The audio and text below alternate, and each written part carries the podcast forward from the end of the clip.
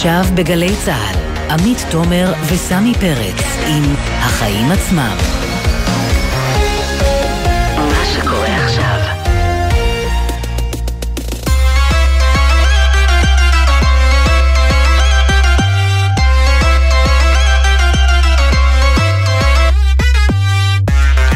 עכשיו, שש וחמש דקות, אתם על החיים עצמם, התוכנית הכלכלית-חברתית של גלי צה"ל. אני עמית תומר, ואיתי באולפן היום פותח את השבוע, לא תאמינו, סמי פרץ. מה העניינים, סמי? אה, אצלי בסדר, החלפתי עם שי. אה, תשמעי, המצב הכלכלי בעולם אה, קצת פחות מעודד, יותר ויותר הערכות על מיתון אפשרי עקב העלאות הריבית בעולם וגם אצלנו. כן, אז אנחנו נדבר על זה עם קרדית פלוג, שהייתה נגידת בנק ישראל, ונשמע ממנה מה היא חושבת על האינפלציה ויוקר המחיה, נושאים שהיא לא מרבה להתבטא עליהם, והאם התגובה של הבנקים המרכזיים לא תגרום לחלילה מיתון. כן, שאלת השאלות, ויש לנו עוד עניינים היום בתוכנית, ענקית היבוא וההפצה, דיפלומט, רוצה להשתלט על חברת המזון דורות.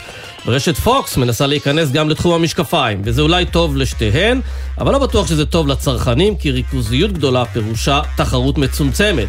אנחנו נעסוק גם בקריסת הביטקוין וננסה להבין לאן זה הולך ומתי יתחילו לפקח על מה שקורה במטבעות הקריפטוגרפיים. ואם זה יהיה לפני או אחרי שהן יקרסו לגמרי, כמו שנראה כרגע, למרות שכמו אה, עוף החול, הביטקוין כבר עבר אה, כמה וכמה אה, גלגולים. נדבר גם איך לא על המשבר בעולם התעופה עם עוד ועוד ביטולי טיסות בארץ ובעולם, תמונות של ערימות ענק של מזוודות ועגלות שנותרו מיותמות בשדה, וההבנה שהענף הזה עומד בפני בעיה, ודווקא אחרי הקורונה כשאנחנו ממש צריכים. צריכים חופשה. בעניין הזה נהיה עם אה, מנכ"ל ישראל אורי סירקיס, ונבין ממה זה קורה, ומה בכל זאת אפשר לעשות בדרך לחו"ל. כן, ואנחנו נסיים גם בהפגנה נגד יוקר המחיה, שצפויה להתקיים היום בתל אביב. נבדוק האם המחאה, האם המחאה חוזרת ובגדול או בקטן. כן, טוב, סמי, אז אה, הרבה בשעה הקרובה, אבל קודם כל כמובן, מה הכותרת שלך? אז זהו, את אה, מכירה את סאגת שדה התעופה הבינלאומי השני? כן. האם הוא יוקם בעמק יזרעאל או בנבטים שבנגב? האם נצטרך לנסוע דרומה או צפונה? בדיוק. אז אחרי שהממשלה כבר פסלה החלטה קודמת להקים אותו ברמת דוד שבעמק יזרעאל, כעת, כעת מתגבש פתרון למיקום חדש ליד אה, בית קמה רהט בנגב.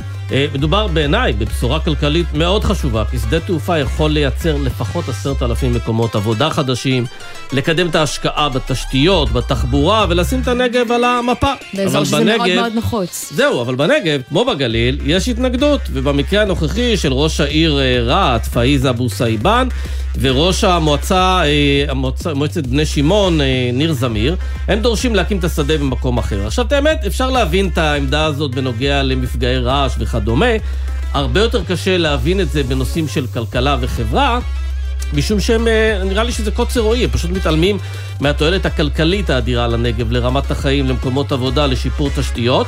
וגם צריך להגיד להם, חבר'ה, זה לא כזה נורא, כי מעל גוש דן, תל אביב, רמת גן, אור יהודה, שוהם, עוברים מדי יום עשרות מטוסים. ולמרות זאת, זה עדיין הנדלן הכי יקר בארץ, נכון. ומאות אלפי אנשים, מיליונים גרים פה. וזה גם מעודד תיירות, שזה עוד משהו שהנגב אה, ממש נכון, משווה לו. ולא רק זה, זה גם מגוון את מקומות התעסוקה בנגב. כי כרגע בעצם במה עובדים בנגב? עובדים במפעלים הכימיים, עובדים בבסיסים צבאיים, עובדים ב... אה, אני יודע מה, בקריה כן. הגרעינית, קצת מסחר וכולי. ואנחנו שומעים הרבה פעמים שאין ביקוש לגור שם, כי אין ממש איפה לעבוד, נכון. ודרך לייצר חיים שם, בלי לנסוע רחוק. וצריך להזכיר גם, מי שעובד ברשות שדות תעופה, המשכורת שלו גבוהה. כלומר, נכון. מקומות עבודה מתגמלים. זה לא איזה מפעל ייצור שבעוד שנה ייסגר והעובדים שלו אה, ילכו ללשכת האבטלה או אה, יקבלו שכר מינימום. אה, אני חושב שזה פשוט קוצר רועי. נקודה מעניינת, אולי אה, ראש העירת מאזין לנו ויחשוב כן, על זה שוב. יחשוב שוב. אה, הכותרת שלך, עמית? אז הכותרת שלי שענקית התקשורת פרטנר נפרדת מהלוביסטים שלה, כך החליט מנכ"ל החדש, שגם נמנה על בעלי החברה, אבי גבאי, כן, אותו אבי גבאי שאתם מכירים מהפוליטיקה. וקודם כל נגיד, בעיניי זה מהלך מבורך, בפרטנר בעצם מתכננים מעכשיו להשאיר את ענייני קשרי הממשלה לחטיבת הרגולציה של פרטנר, גורם שברור את מי היא מייצגת, וככה הכל הרבה יותר שקוף, וראוי שיותר ויותר חברות יעשו את זה. אז אחרי שפרגנו וחיזקנו, תרשה לי בכל זאת להרים גבה על האיש שהחליט להיות אה, חלוץ המאבק הזה, דווקא אבי גבאי. איש אה, עתיר ניסיון, גם במגרש העסקי, אבל לא פחות במגרש הפוליטי. הוא מכיר כקרוב, מקרוב כקולגות לשעבר רבים מ-120 חברי הכנסת שנמצאים כיום במשכן, או במילים אחרות, נראה לי שכשמשרד התקשורת או הכנסת ידונו בהחלטות הרות גורל על פרטנר שיטרידו אותו ואת החברה, הוא לא צריך לוביסטים כי הוא כבר ידע בעצמו למי uh, להתקשר. הוא יהיה הלוביסט של כן, החברה. אז כן. תוסיף לזה את הפרסומים שהוא מקבל בתקשורת על השקיפות שאבי גבאי מוביל עכשיו בפרטנר כצעד ראשון. ומה קיבלנו? גם יח"צ חיובי, גם חיסכון כספי בהיפרדות משירות מקור חוץ, שכל זה באמת בסדר גמור, אבל לא בטוח שמבטיח פחות פחישה מול מקבלי ההחלטות אצל אה, חברת התקשורת הזאתי. אני חושבת שבמקרה של אבי גבאי ההצהרות לא מספיקות, גם עם הכוונות טובות, זה פשוט ייבחן במבחן התוצאה. כן, אבל אה, זה שמנהלים הופכים להיות הלוביסטים של החברות שלהם, זה ידוע וזה מוכר, רק מה, צריך לשים uh, טלאי כזה, לא, סליחה, לא טלאי, אבל מין סרט סימון כזה של לוביסטים. סרט כתום. כשהוא מגיע לכנסת. יש לי הרגישה שאת אבי גבאי מזהים. לא, בדיוק, גם אין ספק גם שהוא מכיר את השיטה, ויודע איך זה עובד, ויודע למי מתקשרים, ואיך מתקשרים, ואת מי פוגשים, ואיך מקדמים דברים.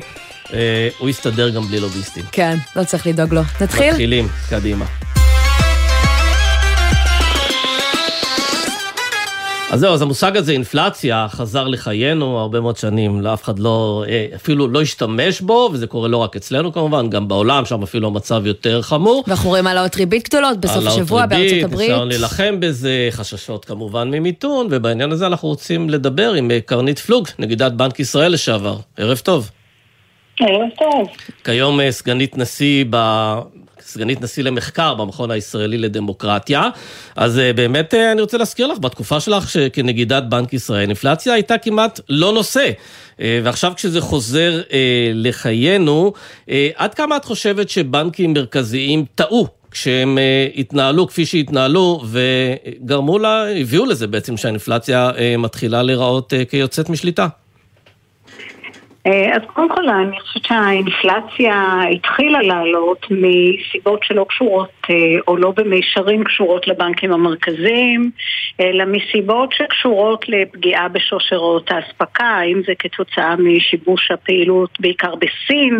אה, כתוצאה מסגרים בעקבות עדיין גלי קורונה. רגע, קרנית, אנחנו לא שומעים אותך כל כך טוב, אולי תנסי אוקיי, לשפר או אם את על רמקול. בטעות. לא לזוז ממקומך. ננסה, אוקיי.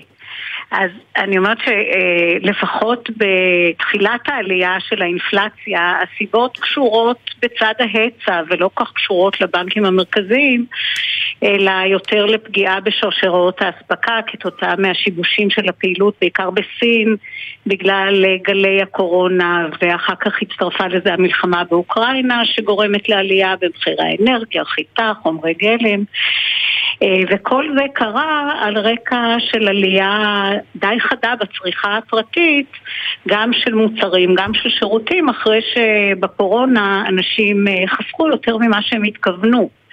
אה, משום שההכנסה של רבים בעצם לא נפגעה, אגב, סליחה, גם בזכות רשתות הביטחון הממשלתיות, אז הם חסכו יותר ממה שהם התכוונו, למשל אה, על חופשות וכל מיני שירותים אחרים. רגע, אז רשתות הביטחון הממשלתיות הן חלק מהבעיה של האינפלציה עכשיו? לא, אולי פיזרנו חושב... יותר מדי כספים? אני חושבת שבארץ אה, בהחלט פיזרנו את ה... ברמה המתאימה. אה, בחלק מהמדינות אני חושבת שבהחלט יש שאלה אם לא פיזרו יותר מדי. אגב, אה, ג'אנט ילן התייחסה לזה לגבי, לנושא הזה בדיוק ביחס לארצות הברית. אבל בכל העולם בעצם הבעיה מצד ההיצע של שרשרות האספקה והבעיות בזמינות של אה, חיטה כן. וכולי. כן. העניין הוא שלא משנה מי גרם לכך, בכל מקרה הכלים להדברת אינפלציה נמצאים בידי בנקים מרכזיים. וצריך לפתור את זה. ועכשיו כולם מעלים את הריביות, והשאל... ויש נכון. חשש גם שזה ייצור למיתון, והשאלה היא איזה בעיה כרגע מטרידה או דחופה יותר לטיפול? העניין של הדברת האינפלציה או העניין של באמת אה, אפשרות שייווצר פה מיתון? אני חושבת שהבנקים המרכזיים עושים את מה שהם חייבים לעשות. יכול להיות שבחלק מהמדינות הם התחילו קצת באיחור. אה, אני חושבת שפה העלייה של האינפלציה, שהיא הרבה יותר מתונה, קיבלה תגובה הולמת מצד בנק ישראל. אבל אני חושבת שהבנקים המרכזיים חייבים לטפל באינפלציה, כי אנחנו מכירים את התהליכים שיכולים להביא לזה שעלייה באינפלציה גוררת לעלייה בציפיות, גוררת לחצי שכר, הופכת להיות מין תהליך של ספירלה אה, אינפלציונית שמאוד קשה לעצור אותה כשהיא כבר מתגלגלת. כן, את אומרת התגובה של חושבת... בנק ישראל הייתה הולמת. הולמת, אבל אם את היית בתפקיד היום, אנחנו רואים עכשיו מה קורה בעולם, ושזאת בעצם רק ההתחלה של העלאות הריבית, גם בתחזיות מדברים על העלאות נוספות עד סוף השנה, בארצות הברית אמרו כבר זה כמעט עובדה מגומרת שבהעלאת הריבית הבאה נראית אותו תסריט. את חושבת שגובה הריבית אצלנו, שכבר עלתה פעמיים, מספק, או שצריך להמשיך להילחם באינפלציה באמצעות עוד העלאות ריבית, עוד שבועיים למשל בהעלאה הבאה? בנק ישראל הצהיר שהוא בתהליך של עליית ריבית וההערכה שלהם הייתה שהיא תגיע בתוך שנה לאחוז וחצי. אז אני חושבת שהם נמצאים בעיצומו של מהלך, ושוב, אצלנו העלייה היא מתונה יחסית, כי גם האינפלציה היא מתונה יחסית. אז לאור זה צריך להגיע זה לאחוז וחצי ריבית? זה לא קצת uh, לקפוץ מעל הפופיק ואז אנחנו יכולים לקבל את ההשלכות של המיתון ו- וכל הדברים ש- שנלווים uh, להעלאת הריבית? קודם כל אני חושבת שהעלייה תהיה פונקציה של מה קורה באינפלציה.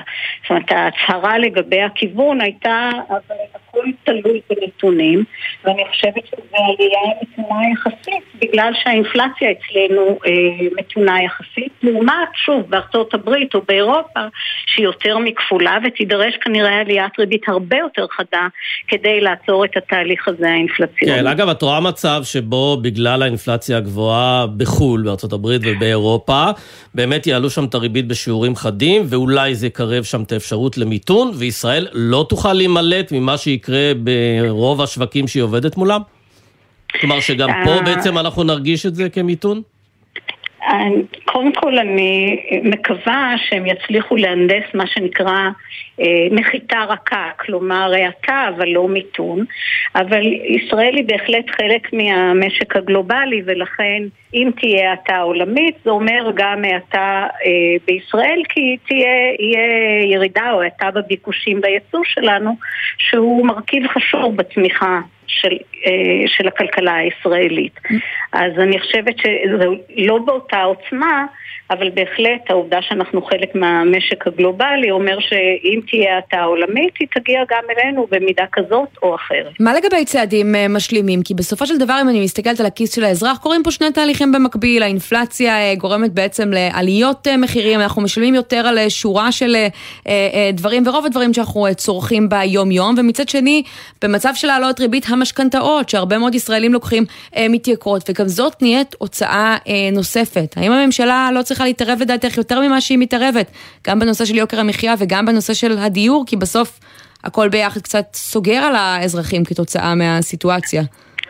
אז אני חושבת שלגבי uh, הטיפול של הממשלה ביוקר המחיה, uh, בהחלט ראינו צעדים בכיוון הנכון, uh, רפורמות שנכללו בחוק ההסדרים, שהמטרה שלהם היא להגביר את התחרות אה, ולחשוף ליבוא, אם זה הפחתת מכסים, אם זה טיפול בנושא של יבוא מקביל, הקלה בעצם על היבוא המקביל. כן, רפורמה אבל ארוכת טווח, גם במשרד הכלכלה לא צופים שלפני אה, סוף השנה הנוכחית נכון. נרגיש את התוצאות שלה על המדף. אני לא, אני לא חושבת שיש זבנג וגמרנו, אני חושבת שמאוד חשוב שאת הרפורמות האלה אה, הם יושלמו והיישום שלהם יהיה מלא.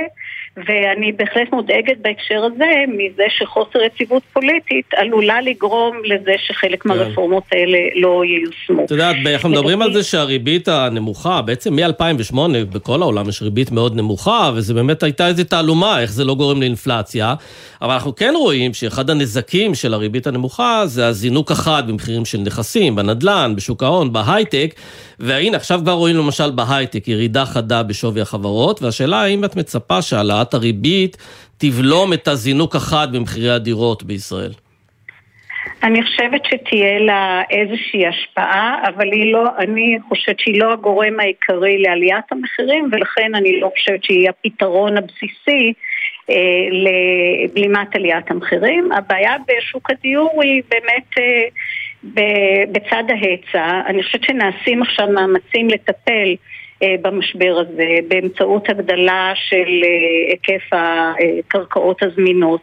אני חושבת שחלק מהפתרון היסודי מצוי גם בהגדלה של אה, מספר הדירות להשקעה, סליחה, דירות להשכרה ארוכת טווח, אני חושבת שבנושא הזה... בהיקף שהממשלה עושה, או שזה טיפה בים, העשרת אלפים דירות שמדברים עליהן? זה בהחלט לא מספיק. אני רוצה להזכיר שלפני כמה שנים הייתה תוכנית שנקראה דירה להשכיר, ודובר על זה שייבנו 150 אלף יחידות דיור. כן, בפועל אבל לא נבנו יותר מעשרת לא אלפים. קרה כמעט כלום, נכון? למה הממשלה לדעתך יושבת על הגדר בתחום הזה? עכשיו. קודם כל, אני חושבת שהיא, שנעשים עכשיו ניסיונות. הבעיה היא ש... תשמעי, ניסיונות, אבל בסוף אנחנו שומעים את הבכירים ביותר בממשלה אומרים, אנחנו לא רואים בנתונים של הלמ"ס את בעיית השכירות. אמר שר האוצר ליברמן, זה בעיה של שלושה רחובות בתל אביב. יש תחושה שקצת לא מחוברים למה שקורה בשטח, הרי בסוף הפתרונות כרגע מסתכמים בעשרת אלפים דירות האלה. אם זה יהיה היקף הבנייה הנוספת להשכרה, זה ודאי לא יעשה את העבודה מבחינת אלטרנטיבה לרכישת דירה.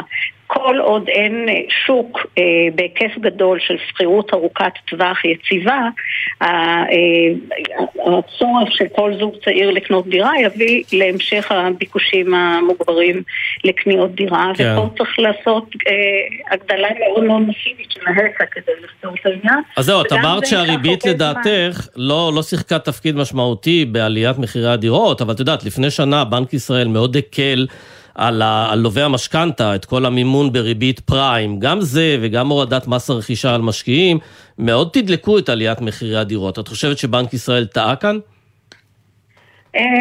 יכול להיות שההקלה הזאת הייתה, היה, הייתה לה, איזה, היה לה איזשהו משקל בהגדלת הקלות לנטילת משכנתה גדולה, אבל שוב, אני לא חושבת שזה הגורם המרכזי. אני חושבת שהגורם המרכזי זה היקף הבנייה. היקף התחלות. אגב, חלה עלייה משמעותית במספר התחלות הבנייה ובהיתרים ב-2021, אבל זה קרה אחרי שנתיים של בלימה בעליות, ולכן בעצם נוצר מחסור בשוק שהתקופה של עלייה עדיין לא, לא הספיקה כדי לשנות את המגמה. ופה גם הציפיות משחקות תפקיד והדיבור על זה שעליית המחירים תימשך גם לא עזר לבלימה של הביקושים לדירות חדשות על ידי אנשים שחששו לחכות ורצו לקנות דירות. כן, קרנית, אנחנו ניפגש כולנו ביום שלישי הקרוב, בשידור מיוחד שאנחנו עושים כאן בגלי צה"ל, בחיים עצמם, מכנס הורוביץ, שאת ממארגניו, ואת גם הולכת להציג שם מחקר, נכון? מחקר מטריד שמראה שלילדי הרבעון התחתון, בעצם השכבות החלשות, יש משמעותית פחות סיכוי להגיע לרבעון ההכנסה העליון, כלומר לשפר את מצבם הפיננסי. זה נכון, המחקר שערכתי יחד עם גבי גורדון ורועי קנט פורטל מהמכון הישראלי לדמוקרטיה מצביע קודם כל על זה שהמוביליות הבין-דורית בישראל היא נמוכה יחסית. כלומר, במידה רבה לאיזה הורים נולדת מבחינת ההכנסה שלהם, מאוד משפיע על הסיכוי שלך בשוק העבודה. אבל בעתיד. היא גם הולכת ופוחתת עם השנים המוביליות, או שהיא באותו מקום פחות או יותר? אנחנו הסתכלנו על דור אחד, ואנחנו בעצם הסתכלנו על מה קורה לצאצאים של הורים בדור אחד, אז אני לא יכולה לומר מה קורה על פני הדורות, אבל מה שאני יכולה לומר זה שברמת המוביליות הזאת זה ייקח הרבה מאוד זמן לסגור את הפערים. והפערים, אני מדברת על בין קבוצות, בין האוכלוסייה היהודית והערבית mm. והחרדית, וגם אוכלוסיות לפי מוצא. אגב, פערים בין אוכלוסיות לפי מוצא, אנחנו כן רואים אה, סגירה של הפער מדור לדור. או, אז הנה, יש גם אה, נקודה חיובית קטנה אה, לסיום. קרנית פלוג, אנחנו נתראה ביום אה, שלישי, תצטרפו אלינו גם לשידור המיוחד משם, מכנס הורוביץ. נגידת בנק ישראל לשעבר, סגנית נשיא למחקר במכון הישראלי לדמוקרטיה ומרצה באוניברסיטה העברית. תודה רבה שהיית איתנו. תודה. תודה, תודה לכם. עכשיו אנחנו לשתיים מהחברות הגדולות ביותר במשק, שבקרוב עלולות להפוך לענקיות וחזקות עוד יותר. אני מדברת על היבואנית דיפלומט, שמחזיקה במותגי מזון וטואלטיקה רבים מהעולם, בהרבה קטגוריות, כמו שוקולד עם אבקות כביסה ועוד, אפילו בכמה מותגים שונים, אבל עכשיו היא רוצה להפוך גם לבעלים של יצרנית ישראלית, כחול לבן, דורות, שמוכרת לנו מהתבלינים הקפואים. של שום. כן, כן. שום, בזיליקום. כן. האמת שאני צרכנית מושבעת של התבלינים שלהם, מודה. וגם פוקס, ענקית האופנה שמחזיקה בשורה לא נגמרת של מותגים. מנגו, ינגה, טרמינל איקס ועוד ועוד. עכשיו רוצה להביא לנו אה, גם אה, מותג חדש של משקפי שמש, ואיתנו נמצא עכשיו פרופסור אה, דיוויד גילו, לשעבר ממונה על ההגבלים העסקיים. שלום. שלום, מה שלומכם? היום מאוניברסיטת uh, תל אביב. אני יודעת שאתה כנראה אחראי מדי כדי לתת לי תשובה חד משמעית uh, במקום, uh, ובכל זאת, להערכתך, כל העסקאות האלה שציינו אמורות לעבור אישור של הממונה על ההגבלים העסקיים. אם אתה היית שם בכיסא היום, זה מיזוגים שהיית מאשר, או שזה נראה לך בעייתי לתת עוד כוח לחברות עם כל כך הרבה כוח בידיים? זה באמת לא יהיה מקצועי מצידי לתת תשובה על רגל אחת, אבל אני, אני כן יכול לומר שלא צריך לפחד מלעצור אה, עסקאות כאלה. גם כשהחשש היחיד הוא של קשירת מוצר במוצר, אה, למשל, ולא רק במיזוג בין אה, מתחרים. כן, קשירת מוצר ש... במוצר זה אומר שלצורך העניין דיפלומט, שהיא המשווקת של ג'ילט וטייד וסטארקיסט והיינץ ופמפרס וכולי, תבוא ותגיד לרשת השיווק, אה, אם אתה רוצה את המותגים החזקים שלי, אני מבקש. שאני דורש, שתשפר את מצבי במדפים למוצרים של דורות, אותה חברה שאני קונה, ואז זה ברור שזה יכול לבוא על חשבון שחקנים אחרים, ניצול כוח לרעה. נכון, אמנם אה, כל הדברים האלה אסורים אה, בחוק המזון שניסחנו, אסרנו על חברות כמו דיפלומט לעשות קשירה כזו, אבל האיסור הזה לא יכול להיאכף בצורה הרמטית, ולכן אם יש חשש כזה, אז עדיף אה, למנוע אותו מראש על ידי עצירה של אה, עסקה כזאת. צריך לבדוק אותה בשבע עיניים. אז זה מה שמטריד אותך לגבי אה, דיפלומט. מה עם פוקס, ששם הפעילות היא נפרדת, בחנויות שונות, מותגים אחרים לגמרי? גם שם צריכות להידלק איזה שהן נורות אזהרה? החשש כאן הוא פחות ישירות מול הצרכן, אלא מול המרכזים המסחריים והקניונים. זה יגדיל את הכוח של פוקס מול הקניונים, מול המרכזים המסחריים, מסיבות אה, דומות. אה, אגב, אז, יבוא, אז תבוא פוקס והיא תגיד, תשמע, מה אכפת לך שאני אשלם דמי שכירות אה, נמוכים יותר? ככה אני מוזיל את המחיר לצרכן, נכון. לכאורה זה לא כל כך זול. אה, לכאורה זה טוב שמאזנים את הכוח הגדול שיש לקבוצות הקניונים הגדולות. אבל הרבה פעמים זה לא תמיד עובד לטובת הצרכן הסופי או לטובת הרשתות הקטנות. כי אם למשל יש רשת חזקה כזו שמשיגה דברים מהקניון, אז לפעמים זה על חשבון הרשתות הקטנות, על חשבון חנויות שהן לא חלק מרשת, ואז המבנה של, אמ, של שוק הקמעונאים נפגע והצרכן עלול להיפגע מזה. כן, אז לפי החוק בעצם, אתה יכול לבוא ולהגיד, אה, או לפי הכלים שבידי רשות התחרות, אתה יכול לבוא ולהגיד, חברים, אני לא מאשר לכם את זה כי יש לכם כוח רב מדי, גם אם בקטגוריה מסוימת אתם אולי משפרים את מצבו של הצרכן. נכון, אה, לפעמים יש קושי אה, לסווג אה, מה זה, מה שפוקס למשל עושה, זה לא בדיוק מיזוג. היא בסך הכל עושה הסכם, לפי מיטב הבנתי, עם לוקסוטיקה, שזה באמת ספק ענק של מותגי על של משקפי שמש, שכבר עצרנו מיזוג שלה עם, עם אירוקה. אבל כאן זה לא מיזוג, אלא פשוט מין הסכם. Mm. אני אעבוד איתכם. וזה יהיה מאתגר למצוא את הכלי כדי לעצור דבר כזה. כן, אגב, ראינו... אם לא מונופול, אפשר היה להורות לה, כן. לא לעשות את זה. ראינו אגב במהלך השנים, שני העשורים האחרונים, הרבה מאוד חברות אה, מזון לא גדולות, אני יודע מה, זה יכול להיות דבש יד המרדכי או יוטבתה, שנרכשו על ידי החברות הגדולות ביותר, חברות המזון הגדולות ביותר. אתה יודע להגיד שהרכישות האלה בסופו של דבר אה, הביאו לעליית יוקר המחיה? זה קשה להגיד את זה, צריך לעשות מחקר מאוד מאוד רציני מה, מהסוג שפרופסור פלוג אה, עושה, כדי לשלוט בכל מה שמשפיע על רווחת הצרכן, ולראות האם הדבר הזה כשלעצמו השפיע לרעה, אבל יש הבדל בין לבדוק דברים כאלה בדיעבד לבין לעצור אותם מראש. אם אתה רואה חשש כזה מראש, אז מותר לך לעצור את זה על סמך חשש הסתברותי, אם ההסתברות היא מספקת.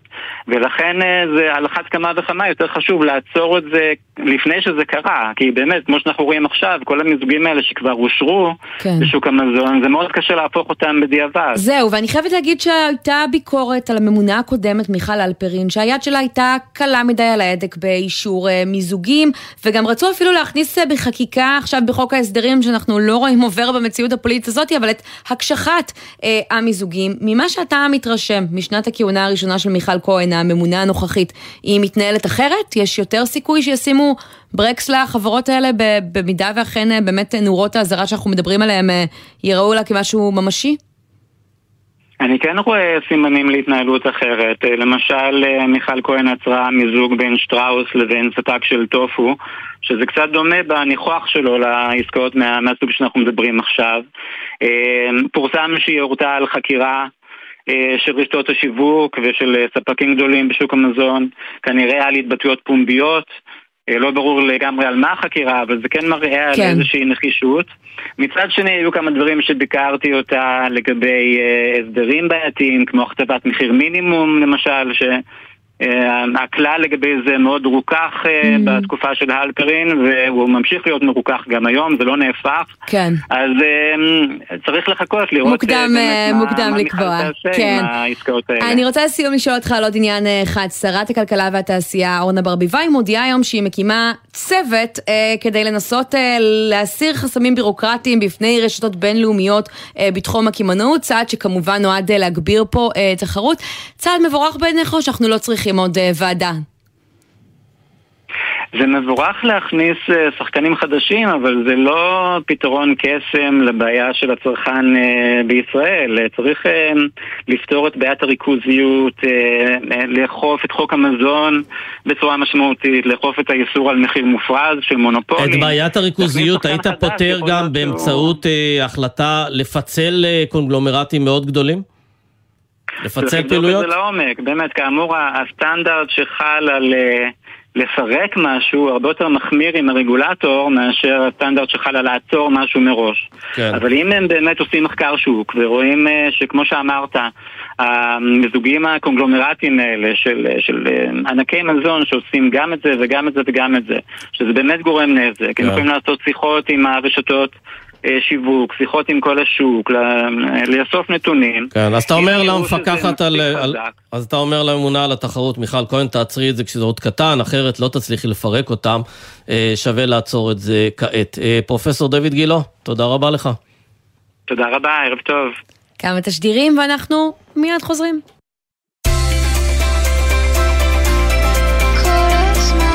גלי צה"ל, יותר מ-70 שנות שידור ציבורי.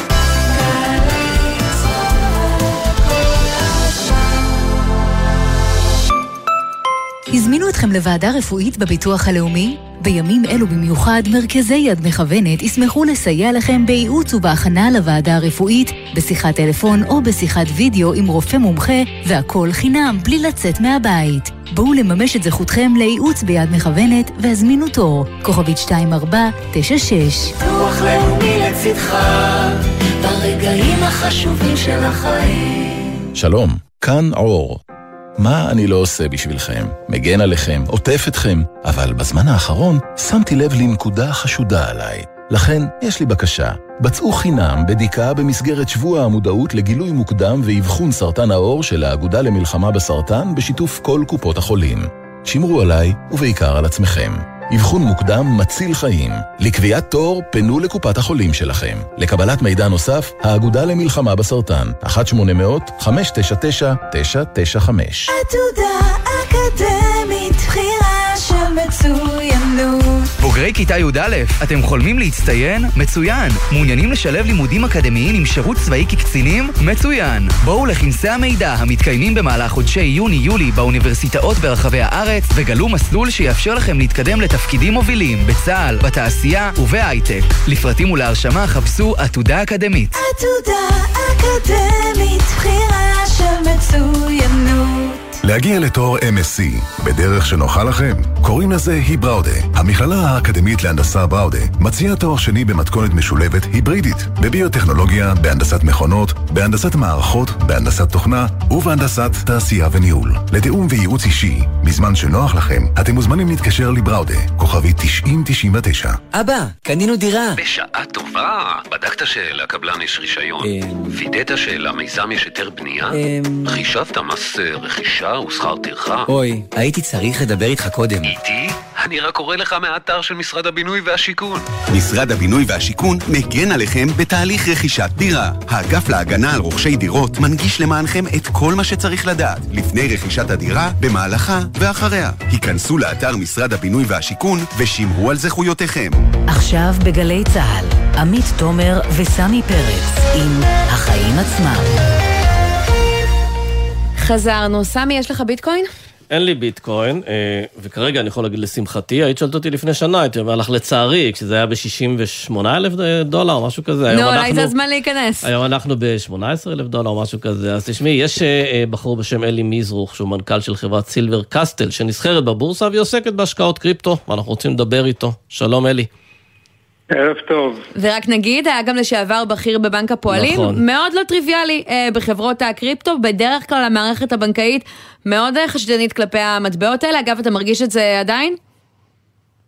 כן, אה, אנחנו רואים הבדל גדול בין המערכת הבנקאית ברוב העולם המערבי לבין כאן בארץ, ולשמחתי, גם הבנקים הישראלים מתחילים יותר אה, להיפתח ולעזור. כשאתה מדבר עם אפילו החבר- עכשיו, כשאנחנו רואים את הקריסה של הזה, ואנחנו רואים הרבה מאוד בעיות והסתבכויות של חברות בתחום של הקריפטו, אה, יש לנו אה, מגמה מאוד ברורה בעולם של רגולטורים שעושים הסדרה לתחום, ודרך ההסדרה הזאת יש, נקרא לזה יותר נוחות של בנקים בעולם וגם בישראל להיכנס לתחום.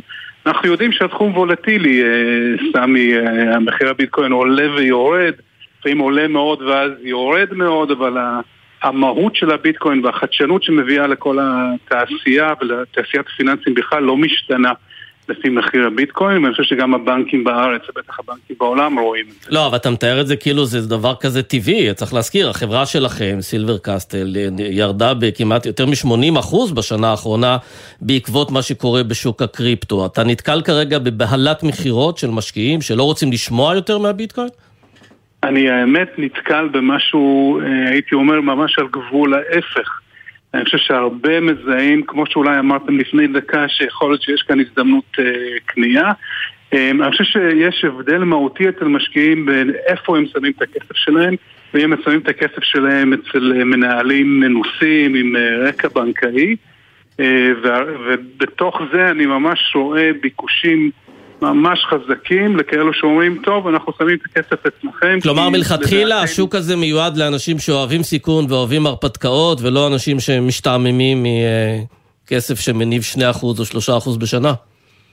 אני לא יודע אם משתעממים מ-2% או לא, אבל ברור שנכס הבסיס כאן הוא מאוד וולטילי, ומי שאין לו, אין לו את הבטן, ל- כמו שהוא ראה פלוס 100 בשנה מסוימת, גם מינוס 60 בחודש מסוים, אז ברור שהתחום אבל הזה הוא תשמע, לא זה בעיניי מציף את הבעיה של המטבעות כקריפטוגרפיים, כי בסופו של דבר יש פה איזשהו אה, מוצר, אה, ו- ואנשים אה, ככה נכנסים אליו כי הם אמורים אה, להאמין בו, אבל זה לא מה שקורה בפועל. הנה, למה אנחנו אומרים ניכנס בפחות מ-20? כי אולי אפשר לעשות פה רווח אה, מהיר ו- ו- ולגזור את זה כדי ש- שבעצם אה, הביטקוין אה, יעלה. אבל אז זה יותר אה, מבוסס על אה, דעת קהל, או על מה קורה באותו רגע בשוק, בשיח, מאשר על מה המוצר עצמו, לא? אני לא יודע, עמית, את, אה, מי שקונה מניית טסלה זה בגלל שהוא בהכרח מאמין ביכולת של טסלה לשנות את העולם, או כי הוא חושב שהמניה תעלה והוא יעשה רווח? אז מעניין אותי איך אתה מסתכל על זה. אתה מסתכל על זה כהזדמנות אה, כלכלית להרוויח כסף, או על בשורה, טכנולוגיה, משהו שככה יכול לשנות את העולם? אז אנחנו בהחלט רואים את זה כ... כבשורה מאוד משמעותית לשכלול המערכת הפיננסית העולמית. אה, הבלוקצ'יין והביטקוין שהוא חלק מהבלוקצ'יין מביאים אה, באמת אה, חדשנות פיננסית בערך ועצמאות פיננסית ויכולת אה, לעשות אה, ולבנות מודלים פיננסיים לא, אבל זה העניין. אנחנו מדברים פה על מטבעות שנחשבו למטבעות אלטרנטיביים, מנותקים קצת מהכלכלה המסורתית, אבל הנה, הכלכלה המסורתית משתעלת כתוצאה מעליות ריבית וכולי, ושוק הקריפטו חוטף בגדול, כלומר, הוא לא איזה מקלט בטוח. מפני מה שקורה בשווקים המסורתיים. אתה צודק שהתכונות הגידוריות של, אה, של תעשיית הקריפטו אל מול שווקי ההון העולמיים נחלשו מאוד ויש קורלציה שהולכת וגוברת בין uh, התנודות בביטקוין והתנודות uh, בשווקי... אז למה צריך uh, קריפטו וביטקוין אם זה מתנהג אותו דבר? הקריפטו והביטקוין הם לא רק כמכשיר גידור. אגב, אגב, על פני זמן אנחנו כן רואים שיש להם uh, תכונות של uh, גידור, אבל לא בגלל זה הביטקוין נולד, הוא לא נהיה, נולד להיות כמכשיר גידור לתנודות הנסדק. אמ, התפיסה של הביזוריות, של העצמה כלכלית ופיננסית, עצמאות כלכלית ופיננסית, הם אלו שמגדירים את התעשייה הזו ומאפשרים הרבה מאוד דברים חדשניים, וזה כרגע בעיניי פחות משנה אם זה הולך אחד לאחד עם, אה, עם עתודות בנסדק, או גם נהיה מכשיר אה, גידור. אני כן רוצה דבר אחד להגיד, אנחנו כל הזמן אומרים מטבעות קריפטוגרפיים, אבל חשוב לנו אה, להדגיש שמדובר פה בנכס פיננסי. יותר נכון להסתכל על זה כמניה או כאינדקס של מניות. אבל הנה, אם אנחנו מדברים על כל המטבעות הקריפטוגרפיים, אז אני דווקא מסתכלת על מקרה הקיצון, לא על הביטקוין שירד עכשיו לקצת פחות מ-20 אלף, אבל עדיין שווה משהו ואולי יהיה שווה יותר. מה למשל עם לונה, שקרס אה, לגמרי? איך אתה מגן על המשקיעים שלך ממצבים אה, כאלה? אתם הייתם מושקעים בלונה, למשל? אה, אנחנו בדרך כלל לא מפרטים את הפוזיציות, אבל ספציפית בגלל שאנחנו אמרנו את זה, אז אני אגיד את זה גם כאן, לא היינו מושקעים אה, בלונה. כי זיהית שם בעיה שאין במטבעות אחרים, או סתם כי יצא? אה, לונה, שאת הגדרת, נגיד את זה לטובת המאזינים, זה חלק מתעשייה שנקראת DeFi, Decentralized Finance, זה, זה מימון מבוזר, זה אחד מהפרוטוקולים היותר גדולים שהיה בתחום הזה, ריכז אליו משהו כמו 17 מיליארד דולר, היה נחשב טוב. והציע אה, תשואות ממש אה, מפתות למשקיעים שנעלו שם, אה, שנעלו שם כסף. Mm. מה שרוב האנשים שהשקיעו ב-DeFi, בפרוטוקולים כאלו, לא הצליחו להבין ולכמת מה באמת הסיכונים תחת כל מיני תרחישים. אני מגיע מהמערכת הבנקאית ואיתי גם רוב השותפים בסילבר קאסל ואנחנו ידענו לראות שבכל מיני תרחישים יכולים לקרות דברים כאלו, אנחנו לא היחידים, אבל הרבה מאוד משקיעים לא, יפה. לא. אז רק אה, נגיד לסיום, אם מישהו ככה שומע ו- ו- וחושב לעצמו שאולי אתם צריכים לנהל את הכסף, אתם מקבלים רק אה, לקוחות עסקיים, נכון? לא לקוחות פר... קטנים, אנשים פרטיים. לקוחות שירים ומוסדים, בינתיים בגלל הרגולציה בישראל, שאני ממש מקווה שתשתנה. מתאפשר לנו לשרת גם uh, את כל המשקיעים. אוקיי, בוא נראה איפה המטבעות הקרטוגרפיים יהיו אז, אני בסוף אדע להגיד את זה. אלי מזרוח, מנכ"ל סיבר קאסל, תודה רבה. תודה רבה.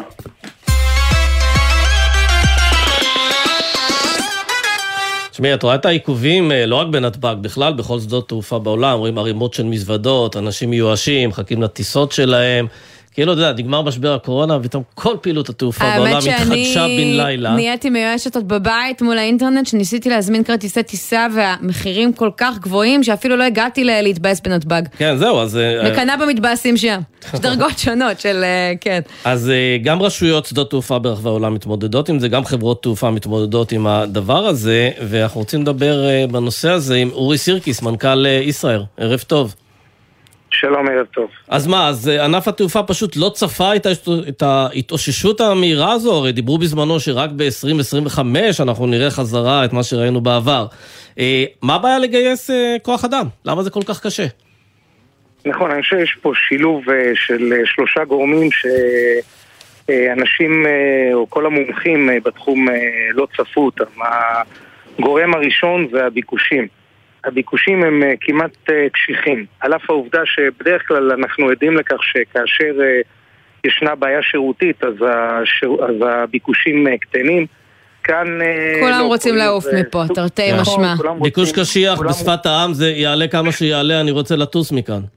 לא, לא רק יעלה כמה שיעלה, יהיה התור ארוך ככל שיהיה, אני רוצה לטוס מכאן, וזה מה שקורה, וזה חלק, חלק אחד של המשוואה, והחלק השני וכמובן אה, הערכת אה, חסר לגבי אה, קצב התאוששות השוק. מומחים סברו שהשוק יחזור לעצמו בממדי 2019 רק בשנת 23, 24, סוף 24 אבל קצב ההתאוששות הוא מהיר, מהיר מאוד ובכל מקום כאשר עוברים מ-0 ל-100 בקצב מאוד מהיר אז יש לזה כמובן השלכות, השלכות שירותיות, כן. השלכות אה, של כוח אדם, והדבר השלישי זה כמובן הקושי לא רק של התעשייה שלנו, קושי כללי אה, בגיוס, אה, בגיוס עובדים, שכל אחד חווה את זה, אם זה בענפי השירותים, בתעשייה. אגב, יכול להיות שעובדי התיירות והתעופה הבינו שזה ענף מאוד שביר כל עוד יש מגפה, הם נטשו לעד והם התאכזבו מהענף הזה, כי זה ענף ששילם את המחיר הכי גבוה בעצם במגפה. נכון, אנחנו לכל אורך המשבר, ובטח ב- ביוני, בדיוק לפני שנה, כאשר משרד האוצר החליט להפסיק את החל"ת, אנחנו פנינו גם למשרד האוצר, גם למשרד התחבורה בשעתו, ואמרנו להם, הענף הזה הוא הענף שסבל הכי הרבה. תאריכו את החל"ת. טוב, בינתיים זה נראה שאתם כל... עומדים להחזיר את הרווחים של הקורונה די מהר לאור רמת ההפסדים, סליחה, של הקורונה, לאור רמת המחירים המטורפת באמת שגובים על כרטיסים, לא? אז א', הלוואי, אבל רמת המחירים שאת מדברת עליהם היא נגזרת גם כאן של הרבה מאוד גורמים. קודם כל, הגורם הכי משמעותי פה זה התייקרות מחירי הדלק. אנחנו מדברים על קרוב ל-100% בהשוואה ל-2019, רק במונחים פשוטים אנחנו מדברים על סדר גודל של 10 דולר לשעת טיסה. זאת אומרת, אם את תכננת לצורך העניין לטוס, לא יודע, ללונדון, אז המחיר אה, אמור לשקף רק במונחי דלק התייקרות של אה, סדר גודל של 100 דולר לכרטיס טיסה. המחיר של טיסה ישירה ללונדון, ואני במקרה אחותי גרה שם, אז אני מסתכלת אה, תכופות, הוא נע עכשיו סביב האלף דולר לכרטיס. זה כמו לנסוע לניו יורק של, של פעם, זה באמת... מופרע בכל קנה מידה. אתה צופה שאנחנו בשיא של המחירים עכשיו? הם ירדו מכאן, שהם רק ימשיכו לעלות בגלל באמת האינפלציה? והקיץ? מה, מה שהתחלתי להגיד, אז קודם כל יש פה את עניין של מחירי הדלק. הדבר הנוסף שמשפיע זה ששדות התעופה במשך שנתיים עברו משבר מאוד מאוד קשה, וכל שדות התעופה אה, נדרשים להעלות מחירים, להעלות אגרות, להעלות שירותים, גם, גם תתי השירותים בתוך שדות התעופה מתייקרים. אגב, כשטסים ללונדון, ישראל ספציפית לא טסה ללונדון, אבל מס מס הנמל שם עבור, בעבור כל נוסע מגיע למעלה מ-150 דולר. זאת אומרת, כשאת מדברת על כן. כרטיס שעולה אלף דולר, יש לך 150 דולר מיסים, 100 דולר התייקרות של מחירי דלק. אז אורי, מה יקרה מכאן? התמונה נראית... אני חושב שהגענו לשיא, גם הגענו לשיא ברמת המחירים וגם הגענו לשיא ברמת אה, אה, התורים וה... אה, ו... זמן ההמתנה בשדה, אני חושב ששורה של שינויים גם בשדות תעופה בעולם, גם כאן, נתב"ג למשל יצא שבוע עם בשורה מאוד משמעותית כאשר משפחה טסה, אז רק נציג אחד מהמשפחה צריך לעמוד בתור וכל היתר יכולים להמתין כן. בצד, זה כמובן ישפיע גם סוגי התשאולים ו... כן, רק שאלה אחרונה לסיום, כי אנחנו צריכים לסיים. אורי, רק תן לנו קצת ניתוח עכשווי לגבי אזהרת המסע לטורקיה. איך היא משפיעה על הביקושים ליעדים אחרים במזרח התיכון? בים התיכון אתם הרי מטיסים פה באזור אגן הים התיכון? טוב, אנחנו, החברות הישראליות, אסור לנו uh, לטוס לטורקיה. כן, ברור. whatsoever, אבל מה שקורה בטורקיה זה באמת uh, חסר תקדים. השאלה היא האם זה מביא לכם לקוחות שרוצים לטוס ליעדים אחרים, ואם כן, לאיזה יעדים? מה יתחזק? לא, ברור שהקריאה לא לטוס והקריאה לישראלים שנמצאים שם לשוב חזרה מקטינה את הביקושים, והביקושים עוברים ליעדים אחרים ברשת האזורית, אם זה ביוון. אם זה ביעדים אחרים ברשת האזורית, אנחנו רואים את זה, רואים את התנועה הזאת. וזה כמובן חלק מ... זה רק יעלה את המחירים מאוד של קפריסין, יוון והאזור, הטיסות שפעם היו קרובות וזולות, לא? מה, מה, מה שמעלה את המחירים כרגע זה אותם פרמטרים שציינתי, גם הדלק, גם זה, גם העובדה ששער החליפין לא, אי אפשר להתעלם מזה שבסוף ביקוש מעלה מחירים, זה כלל האצבע בעולם התעופה. אבל הנקודה הנוספת זה שבמרבית שדות התעופה, בגלל העומסים הכבדים, אין תוספות של מה שנקרא בעגה המקצועית סלוטים. זאת אומרת, אם מזהים ביקושים בדרך כלל, אתה יכול להוסיף טיסות, ועל ידי כך לענות על הביקושים, אין אפשרות להוסיף טיסות. כן. והעובדה הזאת, מה שהיא גורמת לכך, היא גורמת לכך כמובן שהביקוש נשאר קשיח, ההיצע, אי אפשר לענות עליו, וזה כמובן לוחץ את המחיר כלפי מעלה. כן, יפה. אורי סירקיס, מנכ"ל ישראל, תודה רבה שהיית איתנו. תודה רבה, ערב טוב.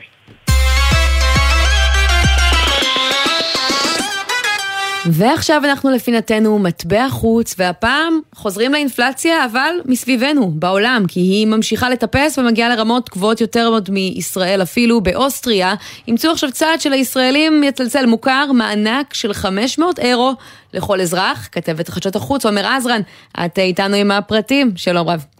שלום עמית, שלום סמי. אז כולנו מרגישים יום יום את יוקר המחיה, כנראה שזה לא ינחם אף אחד, אבל זו ממש לא בעיה מקומית. ארה"ב ואירופה סובלות גם הן מאינפלציה גבוהה ויוקר מחיה, רק שמעבר לים הממשלה מתחילה לנקוט בצעדים משמעותיים שעשויים להקל על האזרחים. למשל באוסטריה, שם האינפלציה עמדה בחודש שעבר על 8%, מה שהוביל לירידה באחוזי התמיכה של הקואליציה. בתגובה, הממשלה באוסטריה מעניקה לאזרחיה חבילת מאבק באינפלציה, ככה הם מכנים את זה, החל מהחודש הבא. כל אזרח הולך לקבל מענק הישר לחשבון הבנק שלו של 500 אירו, ובנוסף יוענקו החזרי מיסים ומענקים על ילדים. המטרה היא להדביק את קצב עליית המחירים באמצעות סכום פנוי נוסף אצל האזרחים, וסך הכל הממשלה באוסטריה תוציא על המהלך 6 מיליארד אירו. קנצלר אוסטריה, קרל ניהמר, אמר בהשקת התוכנית, החבילה מקלה על כולם באוסטריה ומעניקה להם מחדש את המרווח המרווח הפיננסי שעליית המחירים והאינפלציה לקחו מהם. טוב, קשה שלא לחוש אה, דז'ה וו, זה קצת מזכיר את אה, מענק לכל אזרח שהיה כאן אה, בתקופת הקורונה ועורר לא מעט ביקורת כשלא עושים איפה ואיפה בין בעצם אנשים שיש להם יותר ופחות בחלוקת הסכומים. כן, למרות שפה האמת זה תהליך שעושה בדיוק תוצאה הפוכה, כי בעצם מה זה יוקר מחיה? יוקר מחיה יש לאנשים הרבה כסף, אז הם מוציאים אותו, מגדילים את הביקושים, ואז המחירים עולים, ופה בעצם מה עושה ממשלת אוסטריה? אומרת אנחנו ניתן לאזרחים עוד שישה מיליארד דולר כדי שיבזבזו אותו ויעלו את המחירים. וזה רק עלול להעמיק את הביקושים כן, ולהעלות את המחירים. זה רק מעיד, רק מעיד שפשוט הממשלות מתחילות להיכנס ללחץ, יוקר מחיה, תסיסה ציבורית וכדומה, ואז הן עושות שטויות, שזה לפעמים זה סבסוד, לפעמים זה לתת מענקים, זה לא פותר באמת את הבעיה, יש אבל עוד דוגמאות כאלה. רגע, עומר, אבל ספרי לנו אולי איך זה מתקבל שם, באוסטריה. כן, אז באוסטריה דעות חלוקות, כמו כנראה בכל דבר, חלק אומרים, זה ייתן אוויר לנשימה, אנשים אה, במיוחד שזקוקים לסיוע הזה יוכלו קצת אה, לרכוש אה, דברים לזמן הקרוב, חלק אומרים שהם ציפו מהממשלה לעשות קצת יותר. כן, לא. אגב, גם אצלנו צריך להזכיר, ליברמן הוריד מכסים על חלק מהדברים, נתן אה, הטבות אה, מס להורים לילדים בגיל 6 עד 12, גם הגדלה של מס הכנסה שלילי. כלומר, כל דבר שהוא להגדיל את ההכנסה הפנויה של האזרח זה אחלה, ואני אשמח אם יגדילו את ההכנסה הפנויה של כולנו, אבל צריך להבין, זה לא אה, זה לא, זה לא משרת את המאבק באינפלציה. ואוסטריה זה המדינה היחידה, או שאנחנו רואים עוד צעדים כאלה במדינות אחרות? אז אנחנו רואים גם אה, בבריטניה למשל, יוקר המחיה תופס המון המון מקום בסדר היום הציבורי. בחורף הקודם בריטים רבים הצהירו שאין להם כסף לשלם על חשמל לחימום, או בכלל על לרכוש דירה או להשכיר אותה. בתגובה לכך הממשלה בבריטניה תעניק 400 לירות סטרלינג לכל משק בית, לצד העלאת המיסוי של חברות אנרגיה ומענקים לקשישים ועניים. העניים.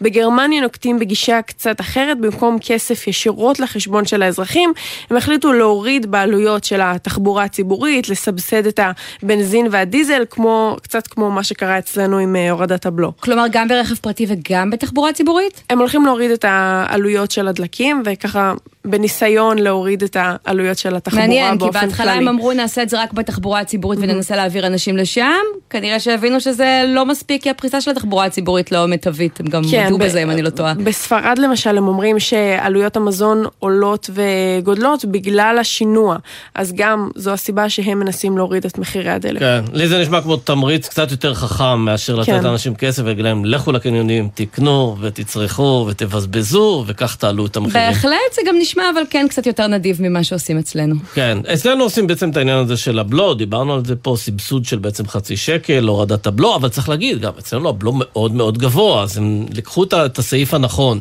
העניין הזה של הורדת מיסים, שוב, לשכבות מסוימות, הוא לא משרת את המאבק ביוקר המחיה. יכול להיות, עומר, שאנחנו uh, מרגישים uh, ככה שעושים בשבילנו קצת פחות, כי האינפלציה אצלנו לא גרועה באותה מידה? זהו, אז האינפלציה אצלנו בערך עומדת על 4.1 אחוז, ובשאר המדינות שאנחנו רואים באירופה, בארצות הברית, זה יכול להגיע כמעט לפי כן? שניים, כן. כן. כן, ועדיין. בארצות הברית כמעט 9 אחוזים. אבל כשיקר מראש, כל אחוז בדיוק. וכל עשירית האחוז... אבל לנו זה כואב יותר. מורגשים היטב. עומר עזרן, זה תמיד. תודה רבה. תודה. תודה לכם. טוב, אנחנו uh, מרגישים את uh, יוקר המחיה, אמרנו uh, היטב, ולא רק אנחנו. Uh, בשעה זו, uh, ככה, הכנות האחרונות לקראת uh, הפגנה בשבע בערב בשדרות רוטשילד בתל אביב, היכן שהתחילה המחאה החברתית uh, הגדולה אז. מה הסיכוי שזה יקרה גם הפעם? בואו נגיד שלום לארתור גבאי, ממארגני ההפגנה. היי hey, ארתור. היי, שלום. אתה ברוטשילד כבר, אני מניחה. אני תכף מגיע לשם. אה, אגב, אני רוצה להגיד בהמשך למה שדיברתם על בריטניה, מאוד עובדה מאוד מעניינת, שבחודש האחרון הם גם מעניקים לסוחרים mm-hmm. בעצם יותר כוח, ובעצם אה, הממשלה הבריטית מנסה להגביל, לבלום איכשהו גם, גם כן, כמו בארץ, זה מה שאנחנו רוצים לעשות בעצם, איכשהו לבלום את ההשתוללות של המחיר. אז המחאה שלכם, מחאת יוקר המחיה, אה, מתמקדת ביוקר הדיור בעצם. מקדמים. זה, כשאני בעצם... כשאני בעצם חושב על פתרונות, זאת אומרת, אני לא חושב רק על ישראל, אני גם מסתכל מה קורה בעולם. אבל רגע לפני הפתרונות, מה הבעיה שאתה מוחה עליה? יוקר הדיור ספציפית? אכן. אוקיי. אכן. אנחנו, אנחנו בעצם חווים כאוס, אנחנו חווים השתוללות בשוק הדיור, ובעצם אנשים יוצאים מהבתים ואומרים חלאס.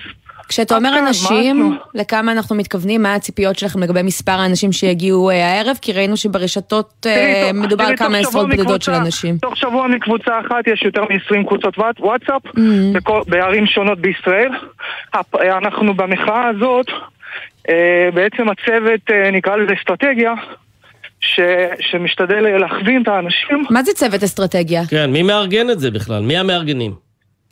טוב, אה, אנחנו כרגע בצוות אה, אסטרטגיה בעצם ש, שמשתדל לרכז את כל האנשים הנפלאים, ש, שגם כן אה, נמאס להם.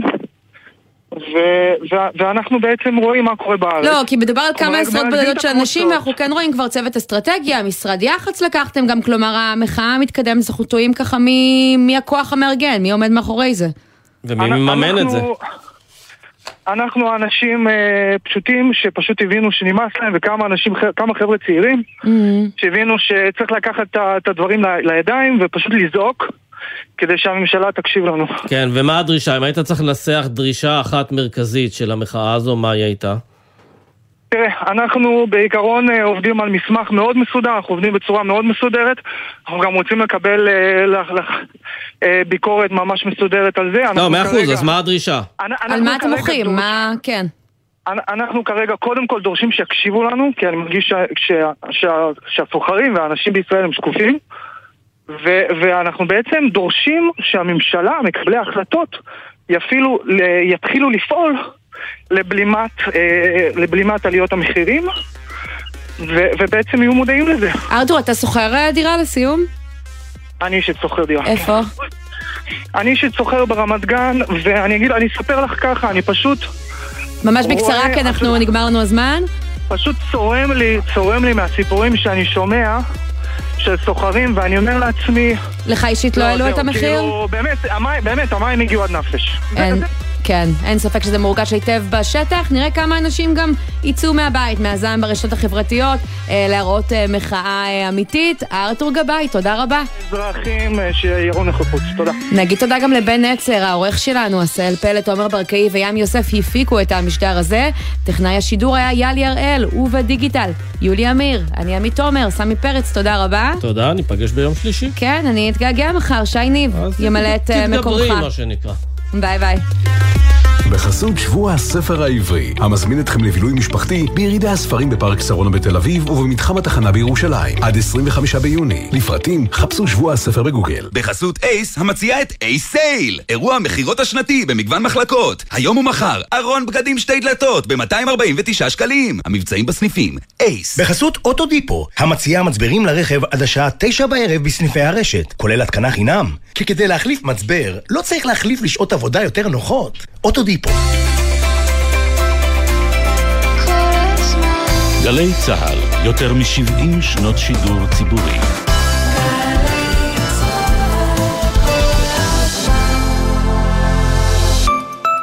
שלום. כאן יוחנן פלסנר, נשיא המכון הישראלי לדמוקרטיה.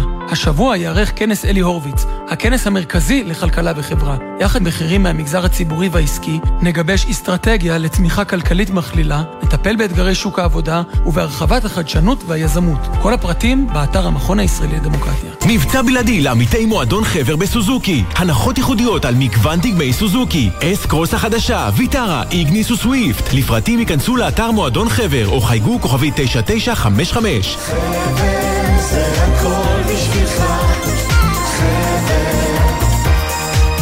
אתם מוזמנים לראות כיצד ישראלים מחוללים שינוי בעולם. האגודה לפיתוח בינלאומי, סיד ישראל, מציינת עשור בשותפות עם קרן פירס, ומזמינה אתכם לתערוכת עולם אחד. מיטב הצלמים מתעדים עשייה ישראלית משנה חיים בעולם המתפתח. עד 17 ביולי, כיכר אתרים תל אביב, הכניסה חופשית. עלות, האגודה הלאומית לאוטיזם.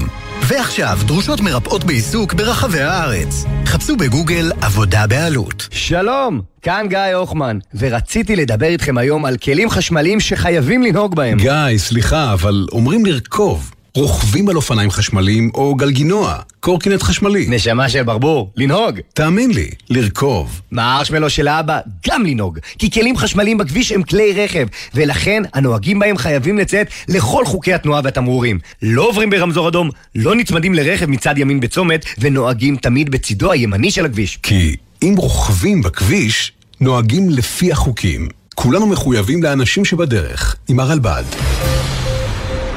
מיד אחרי החדשות, נורית קנדי.